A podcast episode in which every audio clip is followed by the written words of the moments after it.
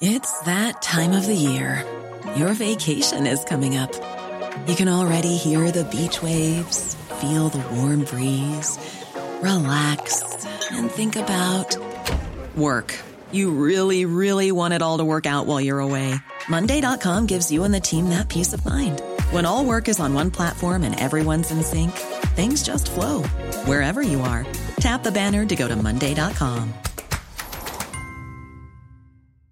Ryan Reynolds here from Mint Mobile. With the price of just about everything going up during inflation, we thought we'd bring our prices down.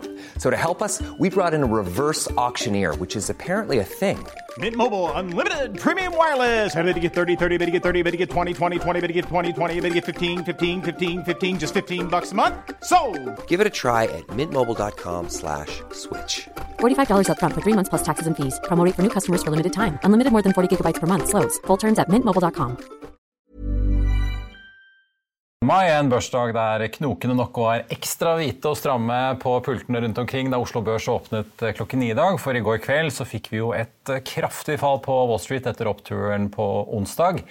Nasdaq-børsen i New York falt hele 5% SMP 500-indeksen var ned 3,6 mens Dow Jones lå ned så vidt over 3 da handelen stengte i går kveld. Og da Oslo Børs åpnet i dag, så deiset hovedindeksen ned rundt halvannen prosent og har krabbet seg bitte litt oppover igjen, men ligger fortsatt ned nå rundt 1% for dagen og et par-tre timer før børsdagen er over.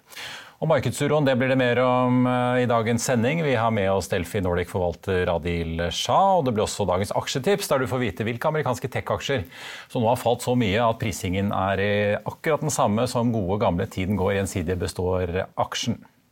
Men la oss se litt på markedet akkurat nå og selskapsnyhetene som har preget dagen. Hovedindeksen er altså ned rundt 1% og rundt oss i Europa er også mange av de store indeksene ned rundt 1 Unntaket er København-børsen som er enda mer ned i dag og ligger dårligst an i Norden.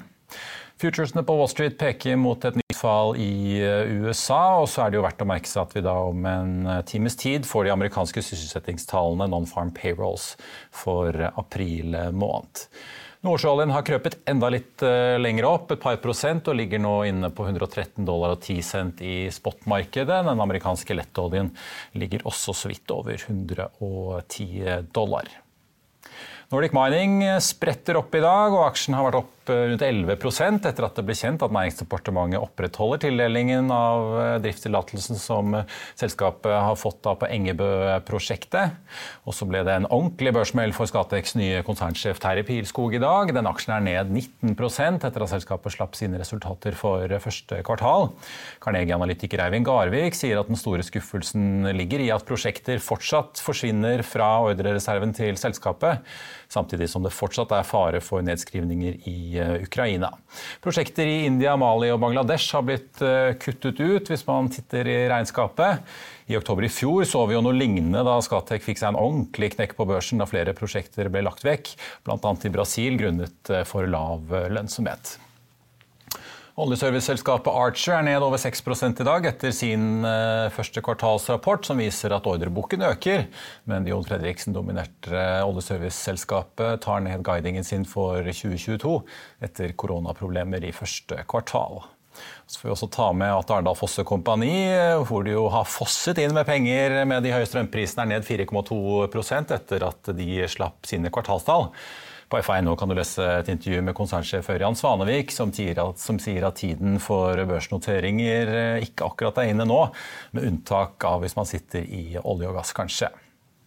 Så må vi ta med litt flynyheter som har kommet i dag. For etter at Norwegian i går kunne melde om en passasjervekst i april på 50% til 1,4 millioner passasjerer, så meldte SAS klokken 11 i dag om en vekst på 7 i, fra april til, fra mars til april til 1,5 millioner passasjerer.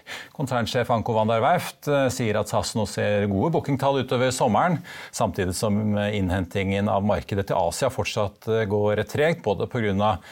koronapandemien, men også da all usikkerheten rundt Ukraina og Russland. Og luftrommet er jo da fortsatt stengt, slik at ikke bare SAS, men også Finner og alle andre som flyr fra Norden til Asia må enten fly rundt eller bare droppe hele avgangene. Og så uh, sier Anko van videre at selskapet fortsatt jobber med denne redningsplanen som de kaller SAS Forward, uten at det kommer noen nye opplysninger om fremdriften i denne. Konkurrenten Flyr slapp på morgenkvisten i dag sine trafikktall for april. De økte med 46% fra mars til april og fraktet 122 600 passasjerer med en fyllingsgrad som tikket oppover til 62% med en bedret eh, inntjening. Men noe langt mer interessant skjedde i går ettermiddag, for eh, da ble det kjent at Flyr for andre gang i år eh, altså kjører en emisjon på 250 millioner kroner. Flyr gikk på børs i fjor, og da hentet de 600 millioner til 5 kroner aksjen. I januar i år så hentet de altså 250 millioner til 0,95 kroner aksjen, og denne gangen hentet de samme beløp, men til 1 krone og 20 per aksje. Flyr-aksjen eh, er nå ned rundt 30 eh, på Oslo Børs og ligger og vaker rundt 1 krone og ja, 42 omtrent.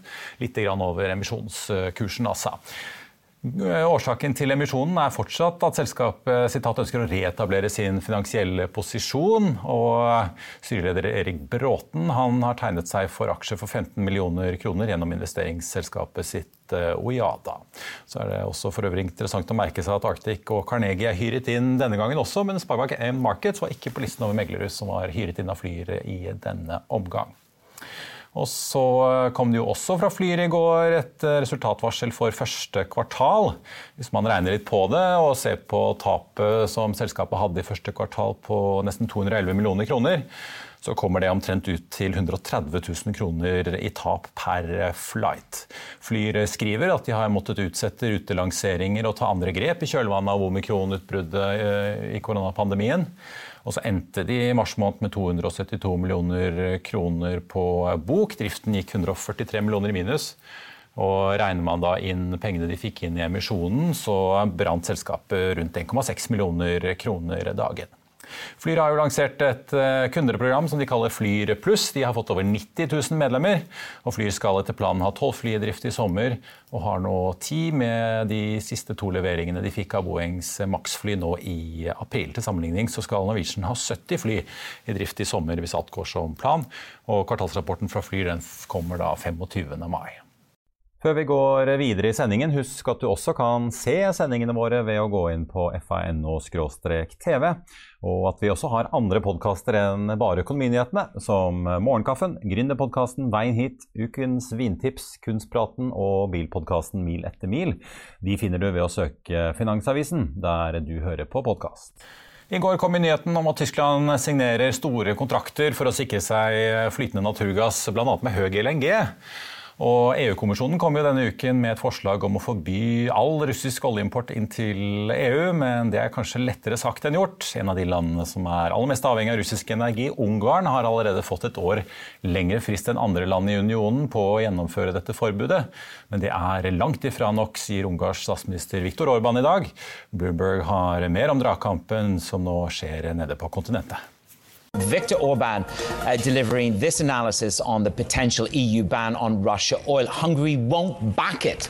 The proposal, uh, of course, is to uh, knock out Russian oil. They're happy to talk about a new proposal on Russia. It's going to take five years of an exemption from EU uh, Russia oil, according to Viktor Orban. And Hungary needs to access the EU's pandemic funds.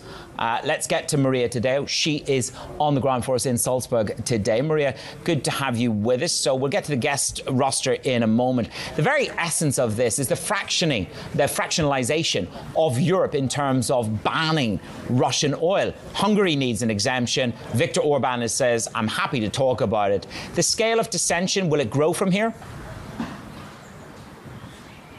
Well, uh, you know, Manis, the case of Hungary and Viktor Orban is very specific and very particular to the political scene in the country. So Viktor Orban today has written a open letter, an open letter to the head of the European Commission saying we cannot afford this by the end of the year. Hungary would need an exemption, and it's not just one year. Remember, that's already pitched. The European Commission said Hungary and Slovakia could get an extra year, so up to 2023, to unplug from Russian energy. Viktor Orban is now pushing that further, saying, well, actually, we need five years. And Manis, it is very clear that this is not going to fly with European authorities. He's also saying, by the way, that in order to do this, the EU would have to unblock some of the funding that they have blocked because of the many rule of law issues that they have, because of uh, that referendum on uh, some of the rights of uh, the uh, LGBTQ community in Hungary. All of this money is blocked for the time being. The European Union says they're not going to allow it to, to flow. So you can see here that he's really is trying to extract a lot of leverage on the political front in order to get this package going. What Viktor Orban knows is that in order for this to go ahead, he needs a unanimous decision. The European Union needs those hmm. EU 27 votes to come through. So if you tell me or if you ask me, is he going to get this five year exemption? I think it's very difficult, but nonetheless, the European Union does to some extent need Viktor Orban, so Right. they're going to have to meet somewhere in between. Yeah, Orban saying that they won't also back sanctions on Russia's patriarch Da skal vi over til dagens aksjetips og to amerikanske tech-aksjer som nå har samme prising som Gjensidige. Tygg litt på den og bare se her. Det ble blodrødt på Wall Street i går, og Nasdaq stupte 5 i det som ble den verste børsdagen i eh, USA på to år. Vet du hva du skal gjøre med pengene dine nå? Bernstein har svaret. Store, trygge, stabile selskaper med sikker inntjening er på toppen av listen til de store meglerhusene. Bernstein har plukket ut eh, det de kategoriserer som kvalitetsaksjer, og som nå kan handles til en billig penge. Alphabet og Meta har eh, blitt billigere hittil i år. Alphabet er ned 20% mens Meta har falt 40 og Bernstein mener disse nivåene er gode, langsiktige inngangspunkter. Meta-aksjen handler til en PE, altså pris for aksjen sett i forhold til inntjeningen, på 15. Det er rundt det samme som gjensidig forsikring, som anses som en trygg aksje. Halvlederaksjer som Analog Devices, Broadcom og NXP Semiconductors kommer også inn på listen. Alle disse aksjene har falt 10-20 hittil i år. Men skal vi stole blindt på Bernstein? Ray Dalio, grunnlegger av verdens største hedgefond Bridgewater, mener nei. Han sier at historien viser at når boblene sprekker, så har de en tendens til å overkorrigere på nedsiden, snarere enn å stabilisere seg på mer normale nivåer. Ser vi på chartene fra bobler tidligere i historien, ser vi at det i 1929 tok to år før boblene hadde eh, sluttet fallet, og tech-boblen i 1990 tok det ett år. Vi ser tydelig at aksjen i dag ikke har falt like mye som historien. At det samme skjer igjen, er det ingen garanti for, men det kan være lurt å tenke deg om et par ganger før du investerer, også om du har et langsiktig perspektiv. Da skal vi få inn Trygve og vår gjest i dag, Adil Shah, forvalter for Delfik, Delfi Nordic-fondet, som det så fint heter. Velkommen til oss. Takk for det. Og god fredag, dere. Litt av en eh, børsuke vi har lagt bak oss eh, med sånn rus på onsdag kveld, i hvert fall i USA, og så en voldsom tilbakegang her i går i USA. Og så sitter vi her på Oslo Børs i dag og litt sånn småskrekne ned 1% Hva tenker du, Adil, om den reaksjonen du har sett? Nei, altså, vi er jo inne i en, eh, i en veldig ruglete periode generelt på børsene. Eh, det har jo egentlig vært litt sånn eh, i hele år. Startet jo egentlig med fokus på, på renteoppgang og, og inflasjon, og så, og så kom krigen. Og så kan du si at kanskje krigen er litt, er litt glemt nå, eller i hvert fall ikke så mye fokus. Og så er da fokus tilbake på, på renter og eh, ja, faren for, faren for resesjon og stagflasjon og ja, Så det er mye, mye fokus på Fed, da. Voldsomme forskjeller i disse utslagene, Trygve? Ja, altså jeg sier jo det at dette her var jo forventet. Altså det er ingen stor overraskelse at man har fått disse fallene. Det er størrelser som er ganske litt ekstreme, men altså hvis, hvis man så på i går kveld og så på Nasdaq, den var jo da nede i 6% en liten periode rett før børs sluttet, og så, gikk den opp, så falt den bare 5 og Dow Jones og S&P 500 var jo ned 4% ikke sant? så det er, det er store utslag. Og Nasdaq er ned 20% fra toppen i fjor. Det er altså store utslag. I gamle dager så kalte vi det krakk. Og så er det interessante, da, synes jeg, det er at dette på en måte var varslet. Altså det, når renteøkningene ville komme, og de kommer, og de kommer ganske kraftig, og litt kraftigere enn noen trodde Når man fikk en, en 0,5% i USA, så var det litt mer enn mange trodde. Så var det noen som hadde tenkt at det kom 0,75, kanskje. Det kom en kraftig renteøkning. Det blir renteøkninger i, i, i EU. Den europeiske sentralbanken har sagt at det kommer. I Norges Bank kommer det, i England kommer det. altså det, Renten kommer til å stige overalt omtrent. Så kommer det kanskje til å stige mest i USA, for de har mest å ta igjen. når Økonomien er for opphetet, og Der ser skummelt ut. Og inflasjonen er 8,5% eller sånn. Så der skal økonomien temmes eller bremses, eller hva du må kalle det. BNP-veksten vil bli lavere. Og derfor så tenker jeg liksom at når du får de utslagene vi får nå, så er det ikke slutt. Altså, det er liksom mange som selger, det er få kjøpere, veldig stor usikkerhet. og det, den, den, sterke renteoppgangen fører til at alle disse luftige, store luftboblene som ligger frem i tid, med kjempeinntekter frem i tid på, på tekstselskaper og vekstselskaper, med den høyere renten så blir da nåverdien mye lavere. Det vet alle. Alle kan regne på det. De skjønner at nåverdien blir lavere, og de kursene skal ned. Og nå er de da begynt, og Spørsmålet er da hvor langt skal de ned. Og Det andre som du er litt så vidt inne på, det er det at, som er litt spennende, det er at hvorfor har ikke Oslo Børs reagert hardere i dag? Altså 1 ned er ingenting. Det er et godt spørsmål. Hvorfor har ikke, jeg mener jeg har svaret, jeg har skrevet litt om det til i morgen òg. Men, men, det er et godt spørsmål hvorfor faller ikke Oslo Børs mer når USA faller så sterkt som de gjorde. Mm. Men hva, som forvalter, hva, tror du Åpenbart liksom rentene skal opp, da er det naturlig å tenke at aksjemarkedet vil være under press, at kursene skal ned. I hvert fall på vekstaksjer og de selskapene som har inntjening lang tid i fremtiden, som eh, Trygve snakker om. Men så får vi da disse voldsomme oppturene innimellom. Er det bare spekulasjon, eller hva, hva tror du skyldes? Nei, altså, altså, nå er vi jo inne i det vi kan uh, kalle et bear market. Uh, og, det har man jo sett, sett mange ganger før. Og, og, da er det ikke uvanlig at selv om trenden er på vei ned, så har man dager hvor det bouncer egentlig litt uten at man har noen veldig, veldig god forklaring. Eh, og det er mange, mange aktører som er, er, i dette markedet. Alt fra eh, forvaltere som, som oss til hedgefondforvaltere, det er daytradere, det er algoritmer.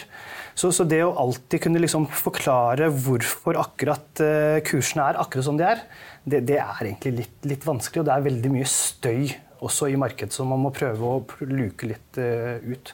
Også på, på, spørsmålet ditt i forhold til eh, stigende renter, det, det er jo igjen uh, Dette er jo priset inn i, i markedet, mm. at rentehevingene kommer nå. Så det er ikke sånn at vi våknet i dag og, og, og bare Skjønte at nå skal renten opp? Nå skal renten opp. Måter, ja. så, og så er det klart at etter en, etter en veldig lang periode, altså mange år, hvor rentene bare har falt og falt og falt, og multiplene, eh, altså verdivurderingene av selskapene, bare har steget og steget, så er, eh, er, går strømmen litt andre, andre veien nå. Ja, det, det, ligger jo i det at kursene kanskje var drevet for mye opp tidligere. Altså, det var for mye luft, og vi var altfor mye villige til å betale for det fremtidige ja. Ja. inntjening. Ja. Altså altfor mye villige til det all over. Mm. Det finnes så masse eksempler på det i Norge, masse eksempler på det i USA selvfølgelig. Og så setter, setter man seg ned og sier at rentene begynner å stige, selv om det er forventet, som sier, det er diskontert i kursene. Men så regner man på og tenker man, i all verden, de har en price på 200 eller 150 eller, eller 80. Mm. Det går jo ikke. Og liksom, de har ikke tjent fem øre ennå. Og nå har de holdt på i tre år, tre eller fire år. Jeg tror at folk litt, er litt hardere nå, tenker litt tøffere hvordan er, hva er det som egentlig foregår? Og så må de regne på det og så finne at dette går egentlig ikke lenger. Så trekker man seg litt ut av markedet, og det, det har noe med rentene å gjøre. Så kan man si liksom, Norge er jo veldig heldig. da. Altså, mens de i USA nå går over i verdiselskaper, eller energi, de skal nå over i energi og verdi, bort fra tech og vekst. ikke sant? Liksom, man kan ikke skifte fra det ene til det andre. Sånn. Nå er det olje og gruver som gjelder. Ja. Men når, når, når liksom olje og gruver og gass som gjelder, og der sitter Norge midt i smørøyet. ikke sant? Vi har oljen, vi har gassen, vi har oljeselskapene, vi har serviceselskapene, vi har seismikkselskapene. Vi har alt det som de som skal inn i. Og da, da faller ikke Oslo Børs noe særlig, for liksom, det er fremdeles store kjøpere i Oslo-markedet. Og når man ser på Equinor, som da tjente 180 milliarder, 190 milliarder før skatt i første kvartal, det er liksom helt vanvittig. Ja, begynner man bare se på etterskatt, for de har så høy skatt. Ja, skatt enn alle andre. Men, men, men, poenget er at de utlendingene som da på en måte skal foreta et skifte, de vil kanskje gå inn der hvor vi er sterkest, der hvor vi er de største selskapene. Og det er ingen som tror det at Equinor kan altså bomme lenger nå. De er bunnsolide, har masse penger, er eid av staten. Hvis de da ikke kjøper noen dumme selskaper eller gjør noen dumme utenlandsinvesteringer, som de har gjort tidligere, som de kanskje har lært av, så vil jo det selskapet være der. Og sånn, Aker BP vil jo ikke, liksom, Kjell Inge Røkke vil ikke begynne å spekulere med det å tulle seg bort og kjøpe 1600 sånne vindmølleanlegg eller et eller annet sånt. Han vil jo ikke gjøre det. Så, og vi har masse selskaper som er der hvor folk vil inn. Så tror folk at gassprisen vil holde seg høy. Mm. Godt eller dårlig tenkt. De, regner at oljeprisen er høy. Den er 113 dollar fat i dag. 113, ikke sant? Den går opp. Så vi, altså, vi, er veldig heldige. Vi har sol og vind i ryggen i Norge, og aksjonærene kan være heldige. Men i utlandet så er det litt annerledes. De ser litt annerledes på det, og de må ut. Den første må ut av vekst- og tekstselskapene, for de er for høyt priset. Vi ser det jo på Oslo Børs også. Det, kan, de, det, er, det, er, det er tegn på at de som har vært høyt priset, vil få en smell. Og så får de i tillegg så får de det som dere kanskje har snakket om. Så får du tydelig det som skjer da i Ukraina, hvor da liksom Scatec liksom, de må skrive av 1 milliard kroner fordi de er i et forferdelig område. som ingen kan, Man kan jo ikke være der. ikke sant? Kan, så, så, er man så heldig at man lager solcelleanlegg i Ukraina. Og what's next? Av alle land, ja, ja. Av alle land så er det så ute at de er der. Eh, og derfor vil man få, og så får du da en del sånne ting som gjør at liksom, de faller veldig. da, altså liksom Scatec faller 20 ikke sant, i dag. Det, det er mye. Det er mye. Og, Ja, jo, vi så Netflix eh, faller jo av 30 her. Og, Ja, og man hopper, bare hopper litt, så bitcoin ned 10-12% Alle, alle kryptovalutaene var ned rundt 10 og, så, og, det var, og det går på ett døgn. Det betyr at liksom folk har tenkt på det kanskje, og ja, det går ikke til himmels, men, men så plutselig tenker man dette går jo ikke. Altså, jeg kan jo ikke betale, jeg kan jo ikke betale liksom 50 000 dollar per enhet for bitcoin. Som det er null sikkerhet i det, det er null balanse i det. det, er, det altså, jeg tror det er på en måte at folk er litt, altså, folk har regnet før og de har vært flinke før, men jeg tror de er tøffere nå. og Jeg tror vi vil få se det i prisingen. Prisingen betyr lavere kurser på der hvor det er mye luft.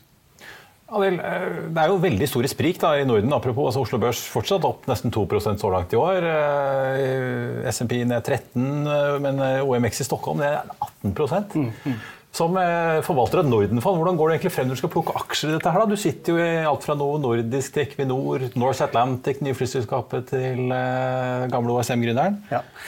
Nei, altså I, i, i Delphi, hvor, hvor jeg eh, jobber, så har vi jo en veldig klar strategi på hvordan vi plukker aksjer. Og, og, og Delphi er jo veldig kjent for, eh, for sin momentumstrategi, eh, som handler om at man eh, plukker aksjer som gjør det, gjør det bra over tid.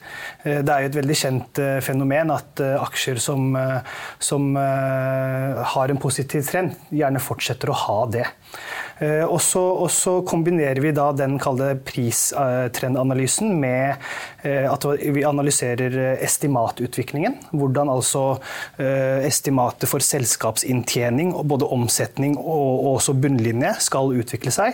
Eh, Det er det vi kaller fundamentaltrend. Og da ser vi egentlig på hvordan eh, disse selvseid-analytikerne, som på en måte er eksperter på selskapene, eh, endrer sine estimater. Så der vi ser at eh, analytikerne eh, tar opp sine estimater, eh, og på en måte ser at det er noe positivt som skjer, det er selskaper vi, vi liker. Hva er det du skyr nå, da?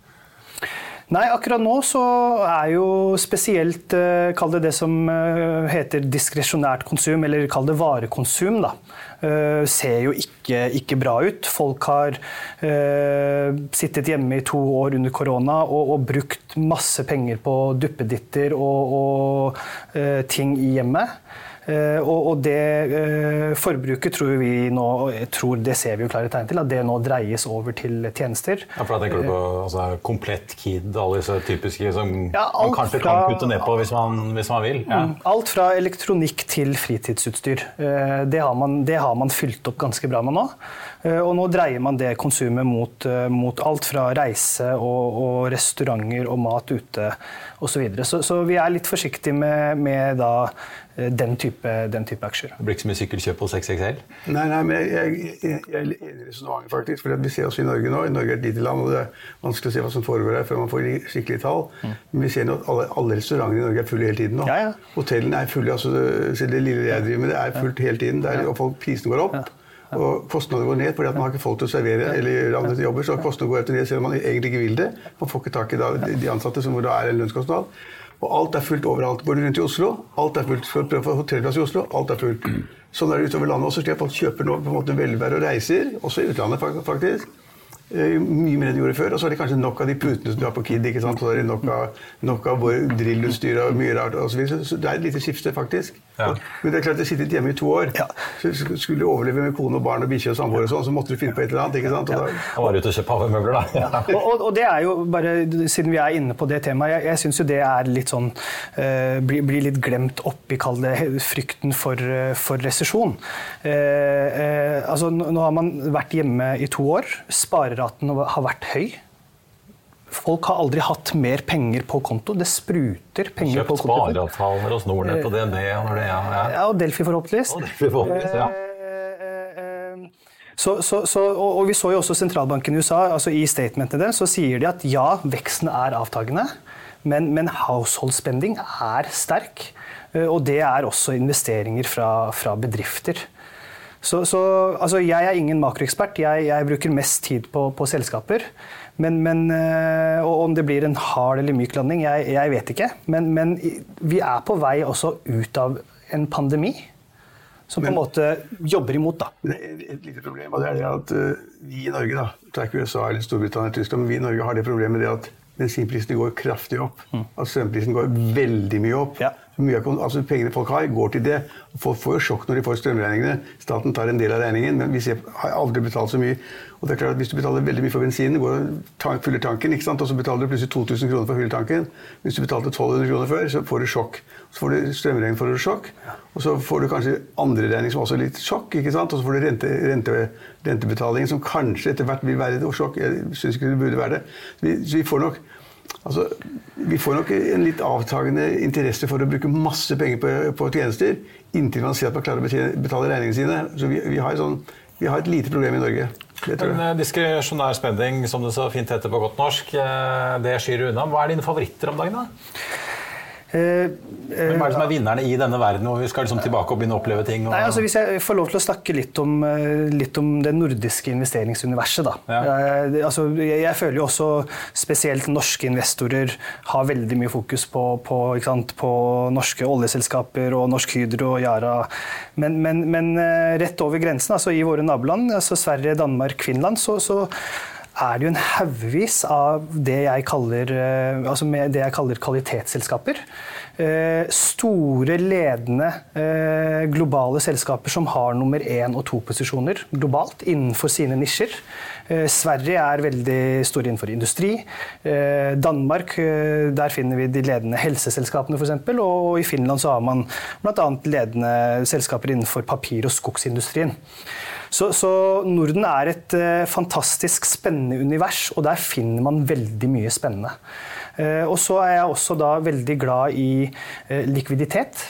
Så jeg liker de store selskapene. Kan være litt kjedelig, men der kan du manøvrere deg. Eh, Du skal ikke langt ned på stigen før du liksom sitter helt fast i en aksje og egentlig ikke kan komme deg inn, eh, eller i hvert fall ikke ut.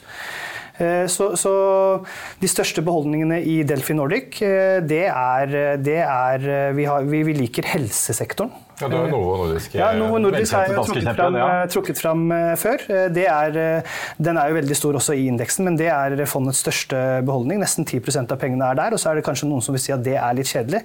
Men Novo Nordisk er eh, bare et helt fantastisk selskap. De har bruttomarginer på 70-80 leverer eh, en eh, avkastning på egenkapitalen på godt over 30-40 eh, og kommer til å ha sterk vekst etter eh, sine produkter i mange, mange år eh, fremover. Så den liker vi. Vi liker eh, AstraZeneca, et annet helseselskap som er ledende innenfor eh, kreftbehandling, eh, bl.a. innenfor lungekreft, hvor vi også ser tosifret vekst i, i en del fremover. Og så liker vi også selskaper som f.eks. Atlas Copco, som er et ledende svensk industriselskap. Utvikler eller produserer kompressorer og, og vakuumpumper.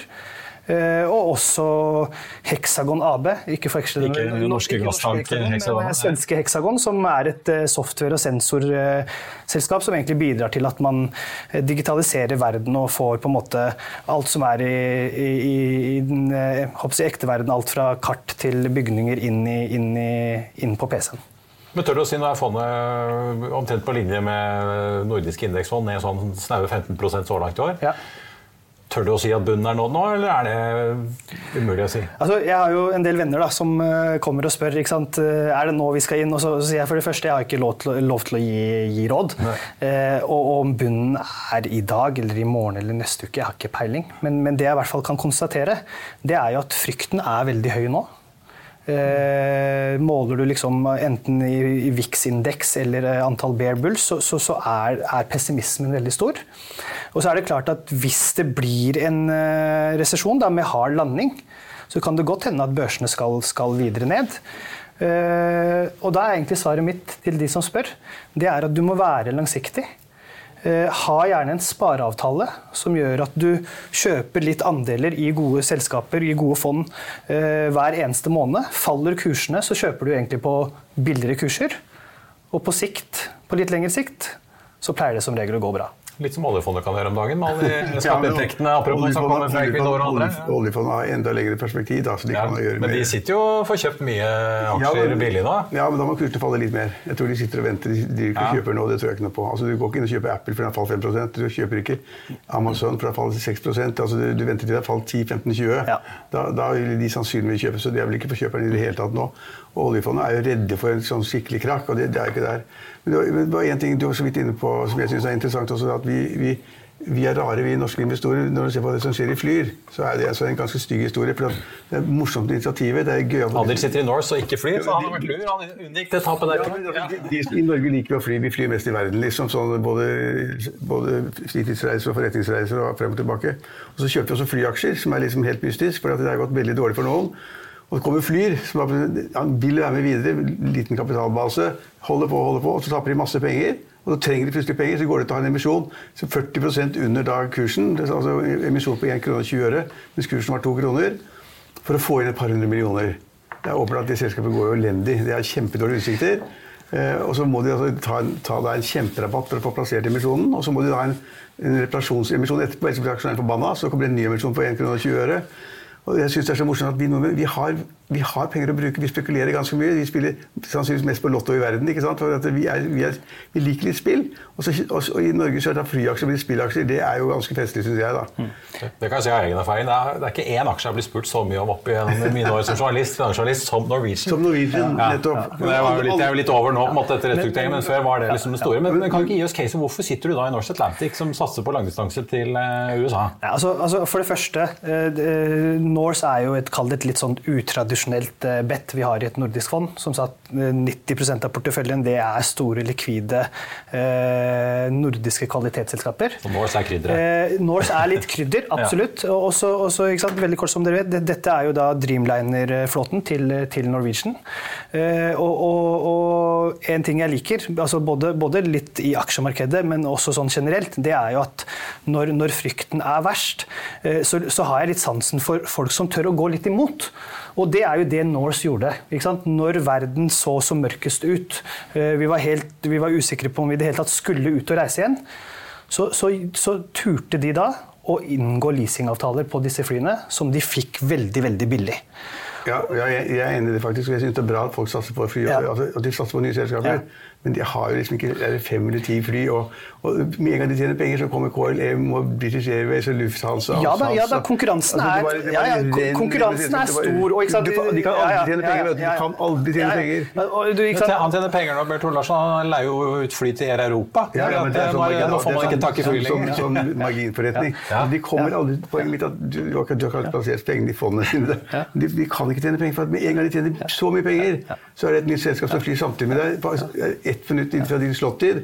Så blir billettene 500 kroner billigere. Så du, du kan ikke Men du, men du tror det, det er riktig. Altså, altså, ja, dette kjente Richard Branson-uttrykket. Eh, En fin måte å bli millionær på, det er jo å bli milliardær, og så investerer du i flyselskaper. ikke sant? Så, så, jeg skjønner poenget ditt, men, men, man har faktisk sett at er det noen som har klart å levere positiv avkastning på kapitalen innenfor flybransjen, så er det lavkostselskapene i perioder. Og, og som sagt, med, med de billige leasene med den reiselysten vi ser nå, som, etter, som folk har etter å ha sittet inne, inne i to år, så, så, har i hvert fall vi regnet litt på det og ser at Norse med, med en fyllingsgrad på, på 60-70% og en billettpris på sånn Det, det er riktignok litt før oljen steg, men på si rundt 3000-4000 kroner, så er de, er de break-even. Men som sagt, dette er krydder i porteføljen. Det er høy, ris det er høy risiko, og det er derfor du også får høy oppside. Ikke, noe risiko uten oppside. Glemt det økte drivstoffkostnader også. Nei, jeg, nevnte jo det. Jeg sa jo det. Ja, men jeg sa jo det nå. Alt blir dyrt. Det, er fint, det er fint at folk satser, men det er, altså, satser på flyselskaper, det, altså, det tør vi ikke. Du har kanskje satt en stopplås på Norse Action? Ja, vi følger med i hvert fall. Veldig bra. Adishat, eh, god helg. Takk for at du kom til oss. Og Hovedveksten på Oslo Børs er nå ned 1,3% Og Har du ønsker om aksjer vi skal analysere, send en e-post til tvtips at finansavisen.no. Selling a little or a lot? Shopify helps you do your thing however you cha-ching. Shopify is the global commerce platform that helps you sell at every stage of your business. From the launch your online shop stage to the first real life store stage, all the way to the did we just hit a million orders stage. Shopify is there to help you grow. Shopify helps you turn browsers into buyers with the internet's best converting checkout. 36% better on average compared to other leading commerce platforms because businesses that grow grow with Shopify. Get a $1 per month trial period at Shopify.com slash work. Shopify.com slash work. I'll see you in court. Vi sier det ofte litt på spøk, Men for deg som driver business, er det aldri moro å innse at du ikke har laget en 100% gyldig kontrakt. Du bør ikke risikere hele firmaet ditt fordi du synes dette med kontrakter er litt stress. En avtale er ikke en avtale. Du kan miste kunder, miste venner, ja, til og med miste inntekter om du ikke lager en skikkelig kontrakt, på alt mulig, egentlig. Men vi vet det er et styr. Kopimaskiner, tregprinter og haugevis av papir. Dessuten stoler vi jo på folk her i landet.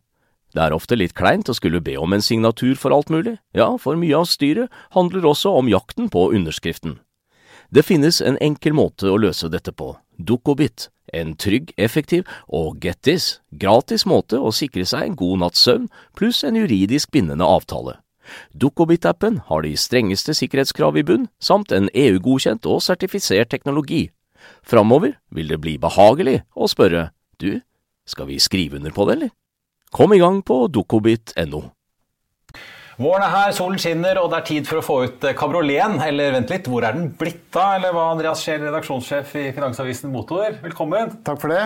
Kabriolet er jo nemlig stikkordet i eh, helgens utgave av Motor. Det stemmer, og det er jo en biltype som nesten har forsvunnet etter at det var en kjempetopp for 20 år siden. Ja. Hvor det ble solgt eh, nesten 1500 kabrioleter i året. Det var over 1% av bilsalget var kabrioleter. Da var det jo Volvoer og Sabber og Peugeoter altså Alle hadde én eller flere kabrioleter. Men så kom SUV-ene, og så kom elbilene, og så er det nesten ikke flere kabrioleter igjen å kjøpe. Så da har salget falt og ligger nå på en tiendedel av hva det gjorde for 20 år siden. Ja, ja for det er ikke liksom er det liksom så mange elbilkabrioleter på gang? egentlig? Ja, de eneste er jo Smart og den uh, lille Tesla Fiat. Roadster kommer vel, ja, kanskje, ja. men er, Den har jo vært her med bare noen eh, håndfull biler. Men det er den Smart Electric og Fiat 500. Men det er jo egentlig bare en liten bil med sånn stort tak du drar over og registrerer som kabriolet, så den teller ikke. Men det er jo typisk Mazda MX5 er jo den bilen som har vært her i 30 år, og som har ligget på topp nesten hvert eneste år, inkludert de siste par årene, og er den som selger eh, mest. Ja, ja Men- Beatan, som også er kjent som, er jo en eh, klassiker. Absolutt, Ja. og den selger fortsatt eh, bra. Oppdatert flere ganger. Men rett under den, så er det jo da de siste to og et halvt årene, så er det jo Porsche som faktisk har solgt nest mest kabrioleter i det landet her. Og da snakker vi inngangspris på i hvert fall halvannen million, kanskje? Ja, litt lavere. Det er vel Ja. Boxsteren ligger vel på rundt en million og oppover, mens 911 fort på to millioner. Så, men eh, det er det solgt vel 60-65 stykker av de siste to årene, så Ja. det er bra. Og så følger jo BMW og Mercedes eh, nedover. Ja.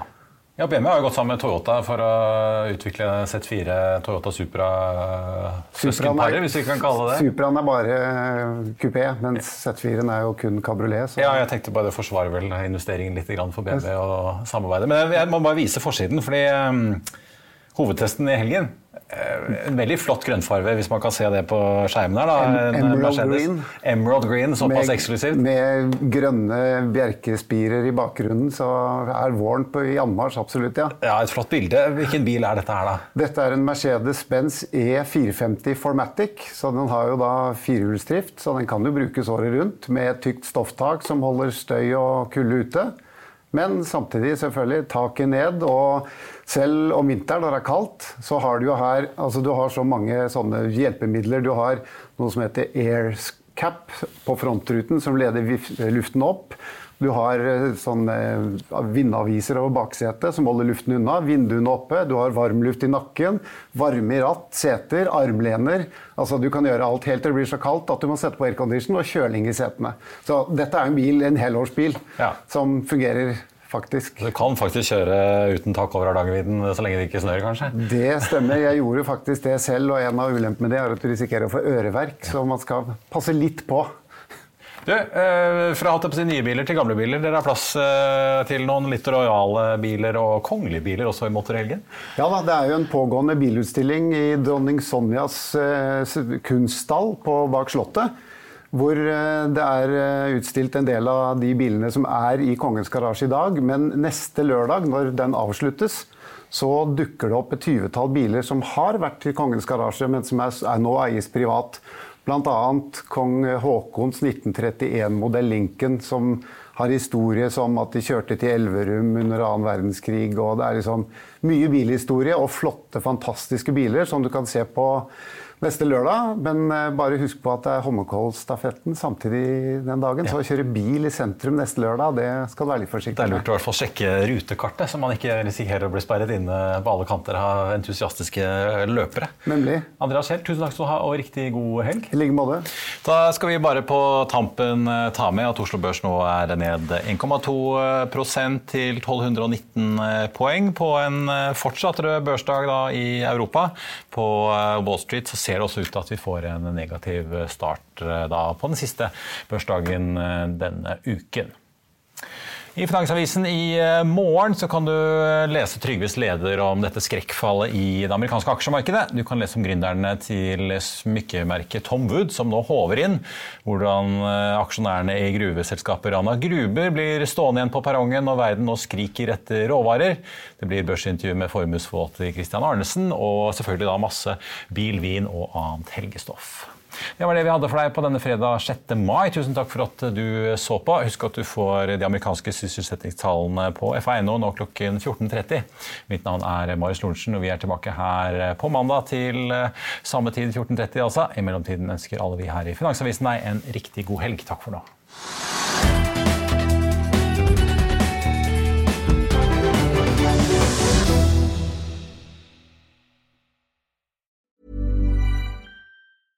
Selling a little or a lot?